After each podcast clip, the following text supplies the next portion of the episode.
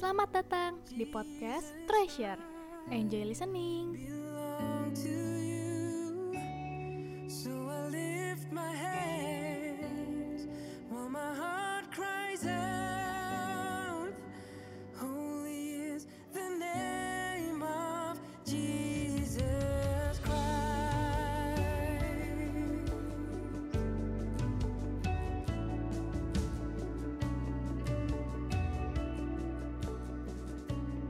Shalom teman-teman pendengar setiap podcast Treasure.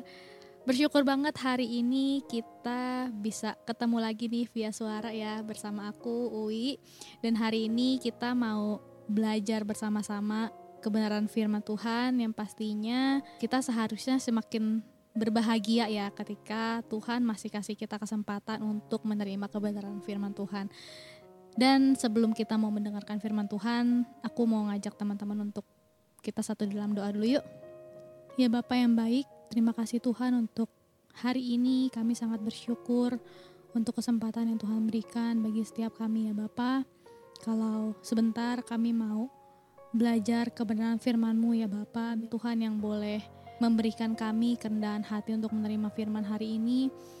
Biarlah Tuhan hati kami siap untuk merenungkan, telinga kami siap untuk mendengarkan ya Bapa.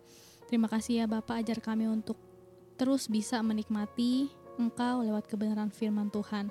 Hanya dalam namamu Tuhan Yesus kami sudah berdoa bersyukur. Haleluya. Amin. Hari ini eh, kita mau bahas apa sih?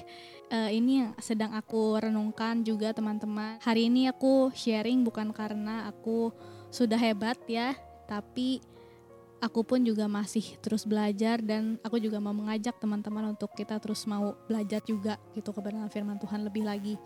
Nah, eh, hari ini kita mau bahas tentang menikmati Tuhan dengan sungguh. Nah, mungkin hal ini juga udah sering banget ya teman-teman kita dengar. Tapi hari ini kita mau sama-sama di remind lagi dan ada hal yang penting nih yang perlu untuk kita sama-sama belajar gitu dan secara pribadi pun aku juga harus terus belajar tentang hal ini. Kalau teman-teman nanti eh, bisa search gitu di KBBI, menikmati itu tuh da- berdasarkan dari kata nikmat, artinya itu tuh merasa puas gitu ya, merasa senang. Nah, menikmati Tuhan gitu ya. Coba ya teman-teman kita renungin. Gimana sih kerohanian kita saat-saat ini? Apakah kerohanian kita tuh saat ini yang masih harus dipaksa gitu ya atau masih yang aduh kayaknya aku masih stuck deh di situ-situ aja gitu. Atau bahkan kita saat ini lagi terus bertumbuh nih gitu ya. Nah, gini teman-teman, semakin rohani kita bertumbuh, seharusnya kita tuh sudah sampai tahap di mana kita itu menikmati gitu. Bukan lagi tuh yang kita mesti eh, dipaksa-paksa, ayo dong, didorong-dorong gitu. Kalau mau ibadah aja mesti kayak eh, dipaksa dulu gitu baru mau ibadah. Kalau mau komsel juga ya mesti dipaksa dulu gitu baru mau komsel. Kalau kita sungguh-sungguh menikmati Tuhan, kita udah nggak mau lagi tuh nikmatin kenikmatan-kenikmatannya dunia. Eh, yang harus kita tahu nih teman-teman, kenapa sih kita harus menikmati Tuhan? Karena gini, menikmati Tuhan itu bukan suatu pilihan teman-teman, tapi menikmati Tuhan itu menjadi keharusan untuk kita sebagai anak-anak Allah. Kenapa gitu ya? Karena ketika kita tidak menikmati Tuhan, kita akan terus-menerus menikmati dunia yang pada akhirnya akan membawa kita kepada kebinasaan gitu. Jadi sampai kapan pun ya kita kayak nggak punya rasa hasrat gitu untuk menikmati Tuhan. Kita mau eh, baca dulu nih teman-teman di 1 Yohanes 5 ayat 19. Kita tahu bahwa kita berasal dari Allah dan seluruh dunia berada di bawah kuasa si jahat. Nah, di ayat ini udah jelas banget ya teman-teman bahwa kita ini tuh berasal dari Allah. Kalau teman-teman dengar eh, dua podcast sebelumnya eh, ngomongin tentang identitas kita sebagai anak Allah, kita ini tuh berasal dari Allah loh teman-teman. Dan seluruh dunia ini berada di kuasa si jahat gitu. Karena kita berasal dari Allah, wajib mutlak gitu untuk kita menikmati Tuhan gitu. Bukan lagi menikmati hal-hal yang jahat gitu yang yang ada di dunia. Mungkin ya teman-teman kita juga masih agak bingung nih menikmati Tuhan tuh eh, sebenarnya gimana sih gitu realisasinya. Ini yang mesti kita sadari dan kita pahami. Kita bisa menikmati Tuhan ketika kita menyadari dan memahami apa yang Tuhan lakukan dan kerjakan dalam kehidupan kita. Aku ulangin lagi ya. Kita bisa menikmati Tuhan ketika kita menyadari dan memahami apa sih yang Tuhan lakukan dan Tuhan kerjakan dalam kehidupan kita. Nah, ketika kita tidak menyadari dan memahami itu, kita juga akan sulit teman-teman untuk memberikan segalanya buat Tuhan. Kita merasa apa yang kita genggam sekarang ini tuh lebih jauh lebih berharga gitu. Makanya kita susah buat ngelepasinnya. Padahal apa yang Tuhan sediakan itu tuh jauh lebih berharga teman-teman dari apa yang dunia kasih. Kita mau baca yuk di 1 Korintus 2 ayat 9. Tetapi seperti ada tertulis, apa yang tidak pernah dilihat oleh mata dan tidak pernah didengar oleh telinga dan yang tidak pernah timbul di dalam hati manusia, semua yang disediakan Allah untuk mereka yang mengasihi Dia. Apa yang nggak pernah kita pikirin loh, apa yang nggak pernah kita pikirin, apa yang nggak pernah kita lihat, apa yang nggak pernah kita dengar, Tuhan tuh kasih itu gitu untuk kehidupan kita. Nah, teman-teman, dengan kita menyadari apa yang Tuhan lakukan, kita pun juga bisa menyadari bahwa betapa berdosanya loh kehidupan kita sebagai manusia. Ketika kita menyadari dosa kita, bahkan tuh e, dosa itu tuh sebenarnya bikin kita binasa loh, bikin kita mati gitu secara rohani. Kita juga sadar bahwa kita itu benar-benar butuh banget sama pengampunan Tuhan. Karena pengampunannya Tuhan, kita tuh nggak lagi hidup di dalam dosa yang terus ngikat kita. Sehingga kita bukan lagi menjadi budak dosa. E, kita mau baca juga nih teman-teman dari 1 Yohanes 2 ayat yang kedua di terjemahan sederhana Indonesia. Yesus sendiri menyerahkan dirinya sebagai kurban perdamaian yang menghapus semua dosa kita masing-masing, sehingga Allah tidak marah lagi kepada kita. Dan kurban perdamaiannya itu tidak hanya untuk pengampunan dosa kita saja, tetapi kurbannya sudah cukup untuk mengampunan setiap orang di dunia yang percaya kepadanya. Oke. Eh, satu ayat lagi di Yohanes 3 ayat 16. Karena begitu besar kasih Allah akan dunia ini, sehingga ia telah mengaruniakan anaknya yang tunggal, supaya setiap orang yang percaya kepadanya tidak binasa, melainkan beroleh hidup yang kekal. Nanti teman-teman boleh baca ulang lagi. Keren banget loh teman-teman. Pekerjaan Tuhan, apa yang Tuhan lakukan tuh dalam kehidupan kita. Tuhan menyerahkan dirinya untuk menghapus dosa kita. Bahkan kurban perdamaiannya itu tuh nggak hanya buat pengampunan dosa kita aja gitu, tapi untuk pengampunan setiap orang di dunia yang percaya kepadanya. Ada syaratnya ya, yang percaya kepadanya. Jadi pengampunan Tuhan itu tuh apa yang Tuhan berikan itu bukan sebuah alternatif buat kita. Tapi memang kita tuh benar-benar butuh gitu pengampunan dari Tuhan. Karena tanpa pengampunan dari Tuhan kita bakal binasa gitu. Kita akan terus menjadi budak dosa.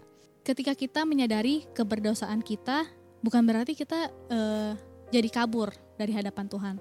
Justru karena sadar kita berdosa dan kita sadar akan pengampunannya Tuhan, harusnya kita jadi memiliki keinginan untuk terus bertumbuh dan semakin menikmati Tuhan. Kita mau belajar juga nih teman-teman. Apa sih, gimana sih prakteknya supaya kita bisa memahami apa yang Tuhan lakukan gitu ya. Nah yang pertama teman-teman adalah dari firman Tuhan yang kita dengar, kita baca, dan kita renungkan. Permasalahannya gini teman-teman. Kita nih sebenarnya punya nggak sih kerinduan sama kebenaran firman kalau kita cuma punya setengah hati aja nggak punya kerinduan yang penuh gitu ya ya kita akan sulit gitu untuk dipuaskan oleh kebenaran firman Tuhan. Ini juga jadi perenungan aku teman-teman. Sama ini aku tuh uh, bener-bener punya kerinduan yang penuh gak ya sama Tuhan ketika aku boleh baca firman. Aku mau ngambil satu contoh nih teman-teman tokoh dari Maria dan Marta ya. Ini juga gak asing lagi nih kita dengar. Lukas 10 ayat 39. Perempuan itu mempunyai seorang saudara yang bernama Maria. Maria ini duduk dekat kaki Tuhan dan terus mendengarkan perkataannya. Kita tahu ya ceritanya Maria dan Marta. Eh, di satu sisi si Marta tuh eh, sibuk banget gitu ya. Pokoknya eh, Marta tuh harus menunjukkan lah bahwa dia melayani Tuhan. Tapi berbeda nih teman-teman sama Maria. Si Maria ini terbukti bahwa dia tuh lebih haus gitu. Dia lebih rindu untuk mendengarkan firman Tuhan. Dia lebih milih duduk gitu, duduk diam karena dengan seperti itu tuh dia akan lebih menikmati Tuhan. Nah, teman-teman, orang yang haus itu pasti memberikan waktu yang terbaik. Gimana kita bisa paham ya sama apa yang Tuhan lakukan tapi kita ngasih waktu untuk Tuhan tuh buru-buru gitu. Ibaratnya nih ya teman-teman, kita misalkan udah lama nih nggak ketemu sama eh, sahabat kita gitu ya. Misalnya temen dari SMP lah gitu ya. Kita udah lama banget nih, kangen banget sama dia.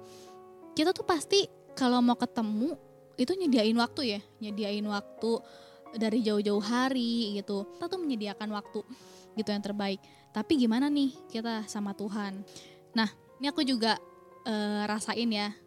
Kita bisa loh eh, catat firman Tuhan yang udah kita dapet gitu. Ketika nanti kita di rumah gitu ya, kita bisa baca lagi tuh, kita bisa nikmatin lagi. Oh iya ya, Tuhan tuh eh, ingetin lagi gitu dengan hal ini. Dan kita bisa memahami gitu apa sih yang Tuhan lakukan dalam kehidupan kita. Atau misalnya kita bisa diskusi sama kakak rohani kita gitu ya. Kita bisa eh, diskusi sama teman-teman kita supaya kita lebih memahami lagi. Ya pokoknya gimana caranya supaya kita bisa enjoy gitu ya teman-teman untuk menikmati firman. Nah contoh simpelnya juga nih, eh, ini yang aku alami juga teman-teman. Kadang tuh biasa ya bangun pagi untuk baca firman tuh enakan di kasur gitu kadang ya kasur itu kan eh, daya tariknya tuh ini ya kuat gitu. Jadi pasti kayak ada rasa ngantuk lah gitu. Jadi ya jadi kita nggak bisa menikmati firman itu gitu. Kalau gitu apa dong yang kita harus lakukan gitu ya? Ya kalau misalnya kita bangun pagi supaya kita pikirannya segar ya nggak ngantuk ya saat teduh jangan di kasur. Carilah tempat yang baik gitu ya untuk kita bisa menikmati Tuhan lewat kebenaran firman Tuhan. Seperti Mazmur Daud di Mazmur 27 ayat 4 di Mazmur 63 ayat 2 Daud ini eh, juga menyatakan kerinduannya kehausannya kepada Tuhan makanya dia terus mencari Tuhan gitu karena keinginannya tuh jadinya terus untuk diam gitu di rumah Tuhan jadi kita mau sama-sama belajar teman-teman kita mau praktek gimana supaya kita bisa memahami apa yang Tuhan lakukan tuh lewat kebenaran firman Tuhan dari apa yang kita baca, dari apa yang kita dengar dan kita renungkan gitu. Yang kedua nih teman-teman yang perlu kita pahami juga ya. Gimana sih kita bisa memahami apa yang Tuhan lakukan dalam kehidupan kita? Itu dari kejadian hidup kita yang kita alami, baik ketika hidup kita lagi nyaman ataupun di masa-masa juga lagi gak nyaman. Ketika rasanya hidup kita tuh lagi fine-fine aja gitu ya, lagi adem-adem aja. Apa sih yang Tuhan lakukan? Coba kita ketika kita lagi happy, coba sadarin yuk apa sih yang Tuhan lakukan dalam kehidupan kita. Atau bahkan ketika rasanya hidup kita lagi nggak baik-baik aja nih sekarang, kayaknya masalah tuh ada aja. Seharusnya teman-teman, kita tuh bukan mikir yang kayak gini. Ah Tuhan mah gak adil lah. Tuhan kenapa sih? Aku dikasih masalah terus yang kayak gini. Secara pikiran manusia pasti ada gitu ya pikiran yang kayak gitu. Tapi eh, belajar yuk supaya kita bisa memahami apa yang Tuhan lakukan. Belajar dari kejadian hidup kita yang kita alami. Belajar punya pola pikir gini. Apa ya yang Tuhan ajarin lewat masalah yang aku hadepin saat ini? lewat kejadian ini tuh Tuhan ingetin apa ya gitu Tuhan mau aku belajar apa ya gitu salah satu tokoh lagi nih teman-teman contohnya Ayub kita tahu Ayub ini kehidupannya oke ya gitu lumayan punya hartanya banyak baik di dalam kejayaannya baik waktu dia kehilangan pun gitu ya kehilangan segala miliknya walaupun kita tahu istrinya Ayub itu tuh ketika Ayub eh, jatuh gitu ya eh, istrinya itu suruh Ayub buat ngutukin Allah loh. Tapi Ayub tetap memegang teguh firman gitu ya. Kita boleh baca dulu deh di Ayub 2 ayat 9 sampai 10. Maka berkatalah istrinya kepadanya, Masih bertekunkah engkau dalam kesalehanmu? Kutukilah Allahmu dan matilah. Tetapi jawab Ayub kepadanya, Engkau berbicara seperti perempuan gila. Apakah kita mau menerima yang baik dari Allah, tapi tidak mau menerima yang buruk? Dalam kesemuanya itu, Ayub tidak berbuat dosa dengan bibirnya. Kita mau baca lagi di Ayub 19 ayat 25 sampai 26. Tetapi aku tahu penebusku hidup dan akhirnya ia akan bangkit di atas debu. Juga sesudah kulit tubuhku sangat rusak, tanpa dagingku pun aku akan melihat Allah. Ayub bilang di situ, aku pun akan melihat Allah walaupun dagingku tuh rasanya sakit gitu ya. Walaupun aku tuh sekarang tuh kayak ngerasanya terpuruk banget gitu. Tapi aku percaya aku melihat Allah. Dari dua poin tadi teman-teman, gimana sih caranya supaya kita memahami apa yang Tuhan lakukan? Yang pertama adalah dari firman Tuhan yang kita dengar, yang kedua adalah dari kejadian hidup yang kita alami baik ketika kita lagi nyaman ataupun kehidupan kita juga lagi gak nyaman. Ketika kita menikmati Tuhan dengan sungguh, akhirnya tuh kita bisa dengan rela juga meninggalkan segala keinginan kita.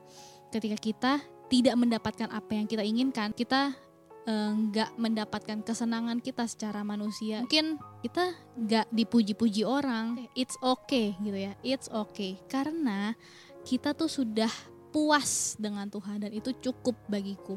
Kita sudah puas dengan Tuhan dan Tuhan itu cukup bagiku. Jadi ketika kita menikmati Tuhan dengan sungguh, yang menjadi keinginan kita tuh bukan apa ya, bukan lagi kenikmatan-kenikmatan dunia yang aku mau dipuji lah, yang aku mau dapetin inilah, dapetin prestasi inilah, nggak yang kayak gitu lagi teman-teman karena hal-hal yang kayak gitu tuh udah bukan jadi hal yang penting lagi gitu dalam kehidupan kita. Yang menjadi keinginan kita adalah hanya untuk menyenangkan hati Tuhan gitu. Jadi segala sesuatu yang ada di bumi ini tuh nggak berharga lagi karena Tuhan yang paling berharga dan aku mau menikmatinya. Biarlah statement itu juga yang menjadi uh, perenungan kita ya teman-teman dan menjadi pedoman gitu dalam kehidupan kita. Segala sesuatu yang di bumi itu tuh gak ada apa-apanya teman-teman daripada kuasanya Tuhan, daripada kasihnya Tuhan dalam kehidupan kita. Itu tuh gak ada apa-apanya gitu. Jadi kita mau terus renungin kasihnya Tuhan tuh lebih besar, pengampunannya Tuhan tuh lebih besar gitu dari apa yang kita dapatkan di dunia. Kita sebagai anak-anak Tuhan, yuk kita harus sudah sampai di tahap menikmati Tuhan. Setiap hari setiap saat bukan dalam waktu yang momen-momen doang gitu ya, bukan dalam waktu ibadah doang, tapi di saat hubungan pribadi kita gitu sama Tuhan.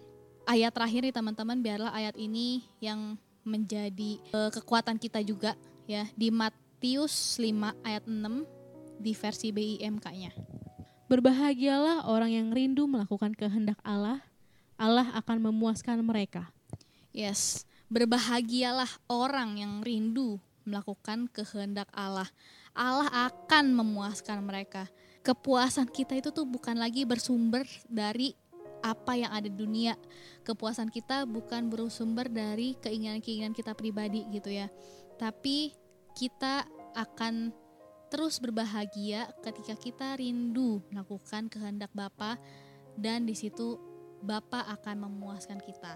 Biarlah uh, hasil akhirnya juga sesuai dengan tema kita gitu ya setahun ini adalah more of Jesus less of me ketika kita bisa memahami apa yang Tuhan lakukan gitu ya dalam kehidupan kita hasil more of Jesus less of me itu tuh bisa kita dapatkan gitu teman-teman jadi yuk terus berjuang terus semangat untuk menikmati Tuhan jadikan hal ini tuh kesenangan terbesar gitu ya dalam kehidupan kita baik itu aja teman-teman Sampai ketemu di podcast selanjutnya. Tuhan memberkati.